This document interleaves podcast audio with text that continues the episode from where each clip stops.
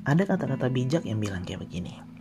Menjadi tua itu pasti, tapi menjadi dewasa itu pilihan. Dan untuk tahun ini, hal menjadi dewasa yang gue lakukan adalah gue pengen bahagia. Bahagia dalam hal apa? Gue pengen bahagia dalam hal apa pun.